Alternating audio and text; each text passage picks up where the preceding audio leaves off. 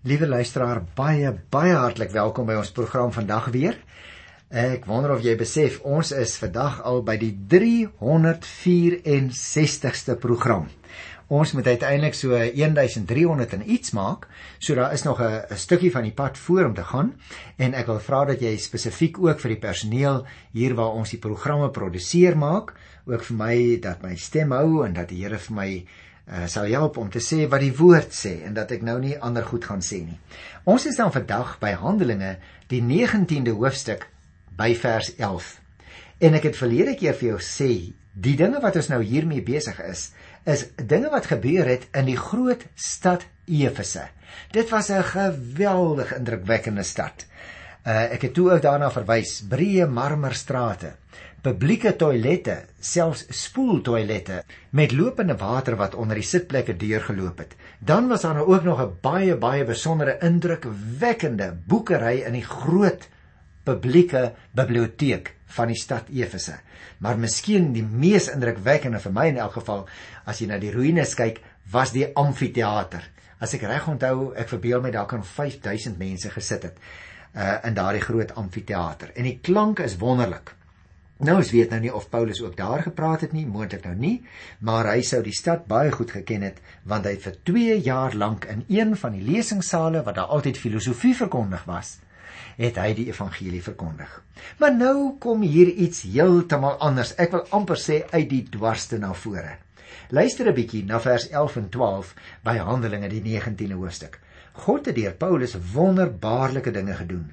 Selfs doeke of voorskote wat aan sy lyf geraak het, is op siekes gesit en dan het hulle siektes verdwyn en die bose geeste het uit hulle uitgegaan. Nou liewe luisteraars, belangrik wat hier staan hè, want God se mag het op 'n besondere kragtige manier deur Paulus gewerk sodat dit selfs oorgedra is deur die klere of die sweetdoeke miskien wat hy op sy kop gehad het en die voorskote staan hier wat hy om sy middellyf gebind het wanneer hy tente gemaak het. So dit moes geweldig indrukwekkend gewees het wat hier besig was om te gebeur in hierdie groot wêreldstad Efese. Die 13de vers vertel vir ons party Jode het rondgegaan om bose geeste te besweer. En hulle het dit ook gewaag om in die naam van die Here Jesus daarvoor te gebruik. Hulle het gesê: "Ek besweer julle in die naam van die Jesus wat deur Paulus verkondig word." Dit was die sewe seuns van 'n Joodse priesterhoof Skefa wat dit gedoen het. Maar een van die bose geeste het vir hulle gesê: "Jesus ken ek, Van Paulus weet ek, maar julle, wie is julle? Die man met die bose gees spring te onder hulle in en oorweldig hulle. Hy was te sterk vir hulle sodat hulle kaal en stukkend geslaan uit daardie huis gevlug het. Nou, liewe luisteraars, dit moes 'n geweldige 'n uh, ingrypende gebeurtenis gewees het wat seker baie ver reperkusies veroorsaak het. En daarom moet ons met mekaar so 'n klein bietjie daaroor gesels. Jy sien, baie van die Efesiërs het natuurlik wins gemaak uit die okkulte kunste. Hulle het selfs bose geeste uit mense uitgedryf. 'n Mens kry dit ook hier in vers 18 en 19 uh wat ons nou net gelees het. Die seuns van Skefa was nou baie beïndruk met Paulus se vermoë om bose geeste uit te dryf. Hy kon dit natuurlik doen omdat God hom die gesag daartoe gegee het en daarom het hy met groter gesag as hulle opgetree. Hulle moes nou egter begin ontdek dat 'n mens nie God se krag kan namaak of kan beheer nie. Hierdie mense het 'n naam, 'n naam met 'n hoofletter, luisteraars. Hierdie mense het 'n naam aangeroep sonder om te weet wie hulle aanroep. Jesus Christus is mos die enigste een wat 'n mens se lewe werklik kan verander. En daardie krag kan nie opgeroep word deur sy naam soos 'n toorwoord te gebruik nie. En ons moet ook onthou, liewe luisteraar, dat die Here Jesus slegs werk deur wie hy wil. En daarom hierdie vreemde gebeurtenis. Dis eintlik in 'n sekere sin sou ek sê 'n humoristiese insident wat hier vertel word. Want destyds het Jode hoog aangeskrewe gestaan as towenaars en duiwelbesweerders. Dit het baie onder die ou Jodendom voorgekom. En sulke towenaars het nou rondgereis. Ons lees van hulle hier dat dit Jode is wat towenaars was wat rondgereis het en baie geld verdien met hulle kunste. Hulle het allerlei kragtige name in hulle towerformules gebruik. Nou Paulus het hulle so beïndruk dat van hulle besluit het om die naam wat hy Paulus gebruik en verkondig dat hulle ook daai naam gaan gebruik. Dis natuurlik nou die naam van die Here Jesus. Die bose gees erken dadelik dat Jesus krag het, maar hy bestry die reg van hierdie ongelowiges om sy krag te gebruik. Die man met die bose gees het die sewe seuns van Skewa toe met bo-natuurlike krag oorweldig. En kom ek lees dadelik verder by vers 17. Al die Jode en die Grieke wat in Efese gewoon het, het daarvan te hore gekom.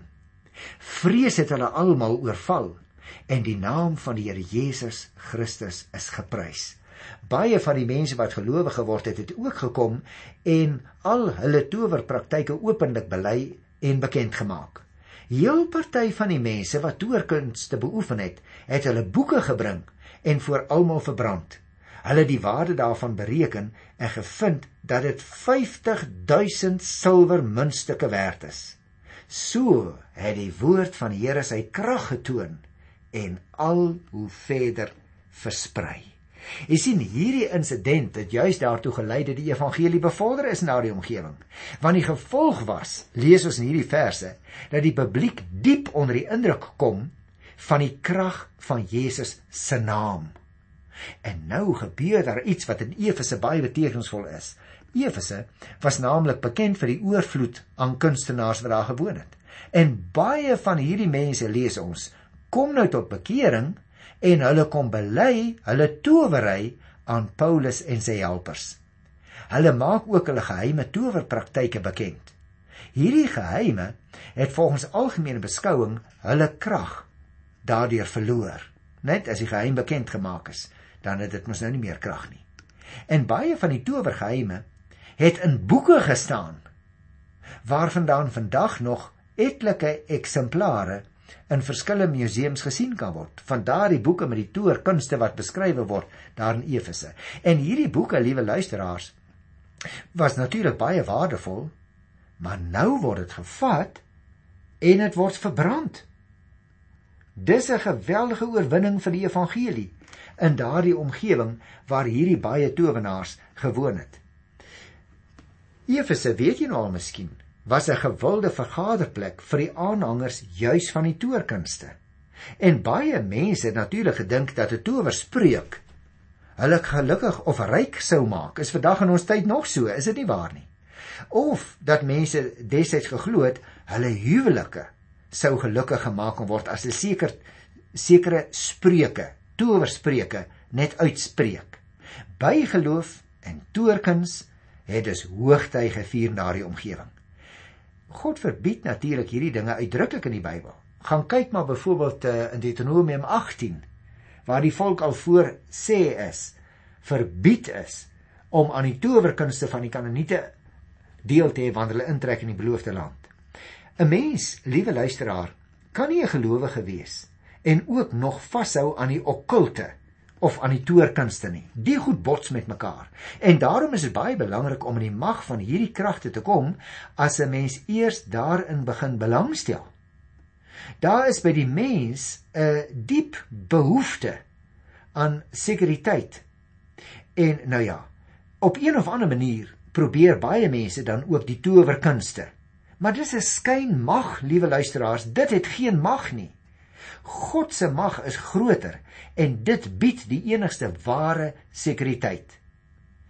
As jy dalk in daardie dinge verstrengel geraak het en jy luister vandag na hierdie program, dan wil ek vir jou op grond van die gesag van die Here se woord en ook hierdie gedeelte aan Handelinge 19 oproep. Ek wil vir jou waarsku en sê hou op daarmee. Die Bybel verbied dit in Deuteronomium 18.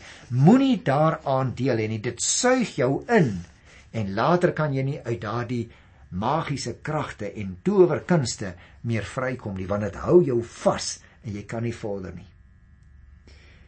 Nou kom ons by die 21ste vers by 'n oproer in Efese. Jy kan nou dink al hierdie goed wat gebeur word, die evangelie word verkondig. Hier is hierdie towenaars, hier is hierdie kunste wat beoefen word en nou kom daar oproer.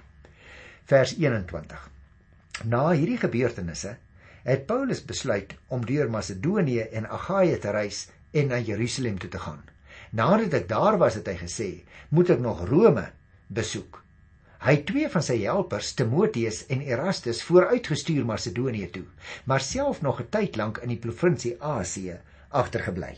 So Paulus maak nou aanstaltes om te vertrek, maar hy wil van sy medewerkers vooruitstuur na na Macedonië toe.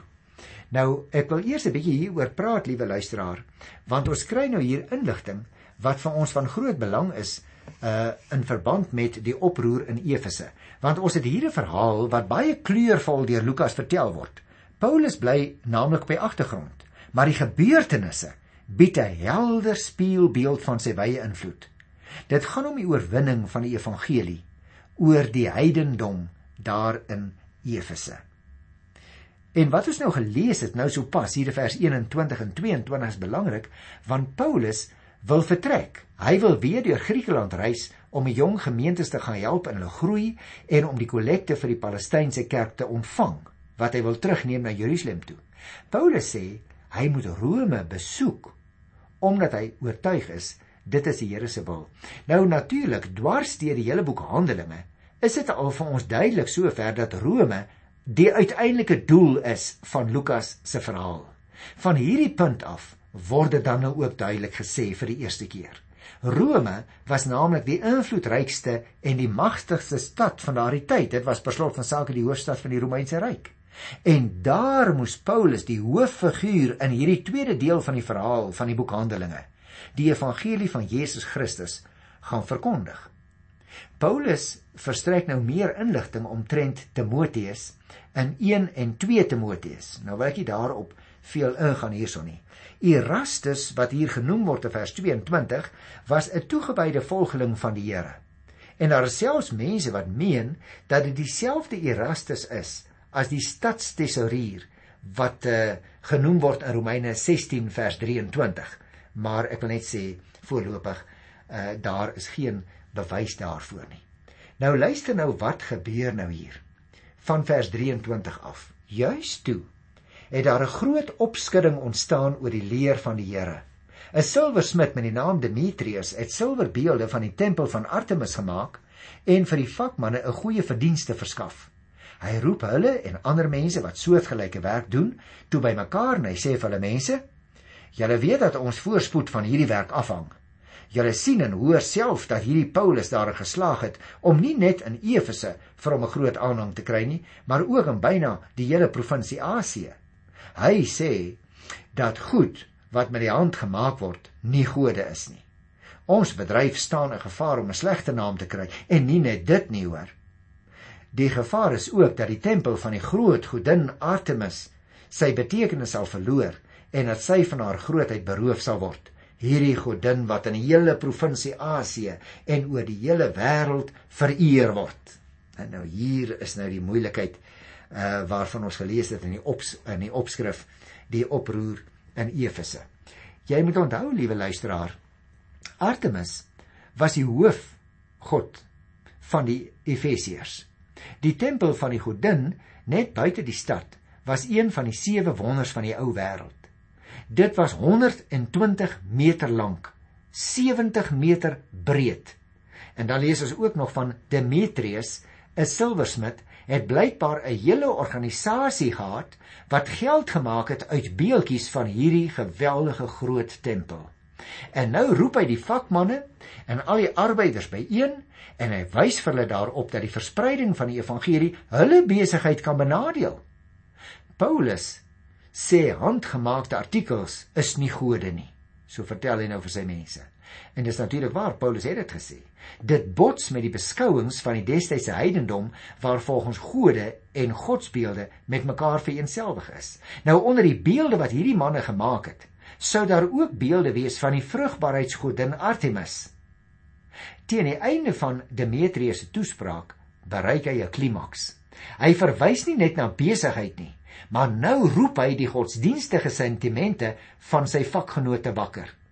Hy neem die feit dat Artemis nie net in hulle provinsie Asië vereer is nie, maar op talle plekke in die destydse bekende wêreld. Hy sê die hele wêreld word geraak deur hierdie dinge wat Paulus sê. En en en ons moet nou 'n bietjie hande vat manne, ons moet mekaar 'n bietjie bystaan in hierdie sake. Want jy sien, Demetrius en die ander silversmede het hulle nie direk gesteer aan Paulus se leer terwyl hy daar in Efese gepraat het nie. Hulle was egter ontsteld omdat dinge wat hy geleer het, hulle inkomste kon benadeel. So hulle sien hulle besigheidsverlies wat hulle nou gaan ly.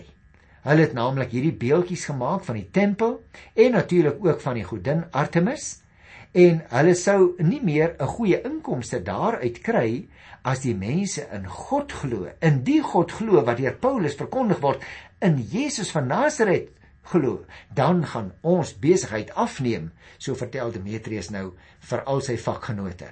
Daarom moet ons nou baie versigtig wees, sê hy. Ons moet nou 'n plan maak.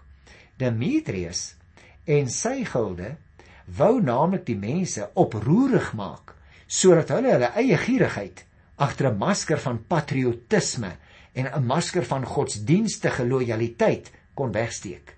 Want hulle besef Demetrius en sy manne hulle is besig om besigheid te verloor. Die oproeriges het natuurlik nie besef hoe selfsugtig hierdie manne se motief in werklikheid was nie. Hulle het geglo dat hulle helde vir hulle land en vir hulle oortuiging was as hulle sou doen wat Demetrius en sy ouens vir hulle vertel. En dit hierdie voorval, liewe luisteraars, blyk dit vir my baie duidelik hoe, hoe maklik mense godsdienstigheid kan gebruik as 'n dekmantel vir selfsug. Godsdienstigheid selfs as 'n dekmantel vir ware godsdiens. Ons baie versigtig wees daarvoor. Daarom moet ons ons nie laat mislei deur mense wie se godsdienstigheid eintlik net 'n middel is om ander te beïndruk nie. Mag ek vir jou so tussendeur dis vra liewe luisteraar, is jy besig met godsdienstigheid of met godsdiens? Diens aan God. Diens aan die enigste God wat daar volgens die Bybel is. Nou dit is nou die soort gesprek wat Demetrius en sy ouens voer. Nou luister nou, vers 28. By die aanhoor hiervan het hulle woedend geword en geskreeu: "Groot is Artemis van die Efesiërs." Jy sien, Demetrius bereik presies sy doel. Die manne skreeu een van die bekendste krete wat destyds daar in Efese gebruik is. En vers 29 sê: Die oproer het oor die hele stad uitgebrei. Soos een man het die mense na die amfitheater toe gestorm. Hulle het vir Gaius en Aristarchus, twee Macedoniërs wat saam met Paulus gereis het, gegryp en saamgesleep. Die hele stad, liewe luisteraars, vat met ander woorde vlam. En hulle kom in opstand. En nou vat hulle hierdie ouens daar na die amfitheater toe. Hulle stroom na die amfitheater toe. Uh ek dink ek het my net nou verspreek. Ek het net nou gesê ek dink daar kon 5000 mense sit. Weet jy daar kon 25000 mense sit in daardie amfitheater. sien ek hier in my aantekeninge. Nou moet ons natuurlik onthou, liewe luisteraars, Paulus het dikwels van ander gelowiges se hulp gebruik gemaak. By die geleentheid het Aristarchus en Gaius saam met hom gereis. Aristarchus het hom ook op ander reise vergestel. Gaan gaan kyk byvoorbeeld in Handelinge 20 van die 4de vers af. Ek sal dit nog behandel in 'n volgende program en ook hoofstuk 27 vers 2. Maar hierdie Gaius is waarskynlik nie dieselfde Gaius as die een van wie ons lees in die Romeine boek nie, soos wat ek net nou gesê het. Nou kom ons kyk verder hier. By vers 30 staan hier nou geskrywe: Paulus wou self met die skare gaan praat, maar die gelowiges wou hom dit nie toelaat nie. Nou mens kan dit natuurlik baie goed verstaan, liewe luisteraar. Paulus wil hulle probeer red, hierdie mense wat nou so saamgesleep word. Maar hy word gekeer omdat die gevaar vir hulle net eenvoudig te groot sou wees. En dan sê die 31ste vers: Ook het party van die hoë amptenare van die provinsie Asie wat goedgesind was teenoor Paulus, vir hom 'n boodskap gestuur om hom te waarsku om nie na die amfitheater toe te gaan nie. Nou die hoë amptenare gee selfs vir Paulus raad. Hulle was die manne wat onder meer toesig moes hou oor die keiseraanbidding in die provinsie. Deur nou te noem dat hulle Paulus goedgesind was, beklemtoon die skrywer van die Handelinge boek Lukas vir ons dat Paulus lojaal moes gewees het teenoor die keiser. Paulus laat hom daarvan oortuig dat die gepepel van hierdie hawe stad met sy deurmekaar bevolking gevaarlik is en daarom bly Paulus nou weg uit die amfitheater.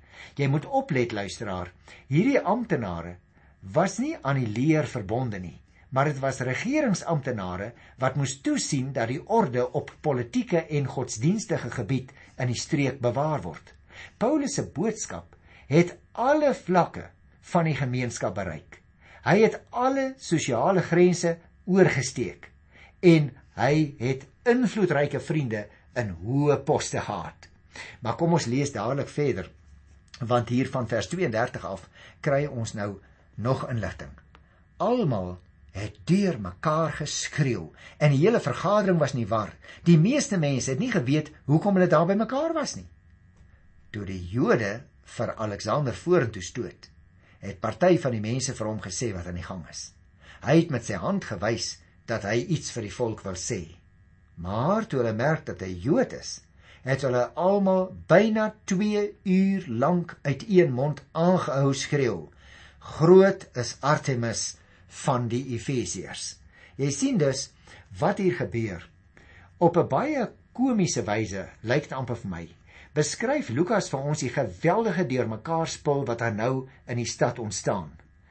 Juis omdat Demetrius hulle die skare opsweep. Hulle kan nie eers 'n kans kry om 'n klag te lê nie. So skreeu die mense. Daar's 'n geweldige emosie los in die stad. En toe stoot die Jode nou 'n sekere man met die naam van Alexander vorentoe staan daar om te praat na sommige vir hom verduidelik het wat die eintlike moeilikheid was.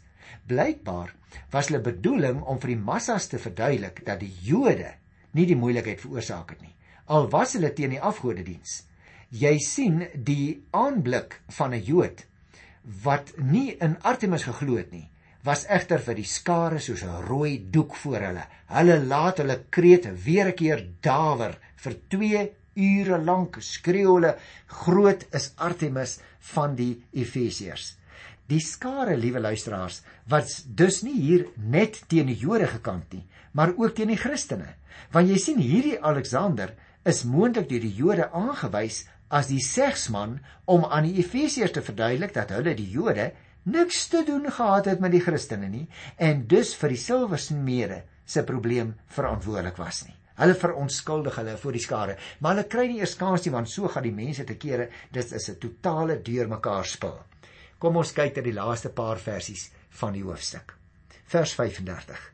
Uiteindelik het die stadsklerk daarin geslaag om die skare tot bedaring te bring. Efesiërs het hy gesê watter mens weet nou nie dat die stad van die Efesiërs die beskermer is van die tempel van die groot Artemis en van haar beeld wat uit die hemel geval het nie niemand kan dit betwis nie bedaar dus moenie iets oorhaastigs doen nie julle het hierdie mans hierheen gebring alhoewel hulle nie die tempel beroof of ons godin belaster het nie die hofsittings word gehou en daar is regters as Demetrius en sy vakman 'n klag teen iemand het laat hulle mekaar dan ga, daar gaan aankla. En as jy verder wil gaan, moet die saak op 'n wettige volksvergadering behandel word, want ons loop gevaar om van opstand aangekla te word. Is dit nie ironies nie? Kyk net hoe kom hulle in opstand. Uh, maar hy bedoel natuurlik opstand teen die keiser. Hy sê ons word loop die gevaar om van opstand aangekla te word oor die dinge wat vandag hier gebeur het. Daar is geen rede vir hierdie oploop nie en ons sal ons nie kan verantwoord nie. Met ander woorde, uiteindelik, liewe luisteraar, slaag die uh, stadsklerk nou daarin om die skare te laat bedaar. Efese, moet ons onthou, het natuurlik 'n mate van selfbestuur gehad en die stadsklerk was een van die hoogste amptenare in daardie stadsbestuur. Hy is bekommerd dat die Romeinse owerheid dalk die stad sal straf En daarom begin hy deur die gevoelens van die skare te paai. Die lojaliteit van die Efesiërs teenoor hulle groot godin is oral bekend, so begin hy te praat. Hy sê niemand kan dit betwyfel nie. Ons glo mos ook dat hierdie geweldige groot beeld hier aan kan die bult uit die hemel geval het, so sê hy. Daar's geen werklike klag teen die Christene nie, sê hy ook. En indien iemand tog 'n klag wil hê, kan hy dit doen wanneer die Romeinse goewerneur een van sy gereelde hofsittings hou. Dan sluit die 19de hoofstuk van Handelinge af met hierdie kort opmerking. Deur dit te sê, het hy die byeenkoms uitmekaar laat gaan. Nou op daardie hoogtepunt dat die Christene dan nie die skuld gekry het nie, wil ek graag afsluit en so die Here wil, gaan ons dan volgende keer met mekaar verder gesels uit Handelinge die 20ste hoofstuk. Tot dan gegroet in die Here se wonderlike naam. Totsiens.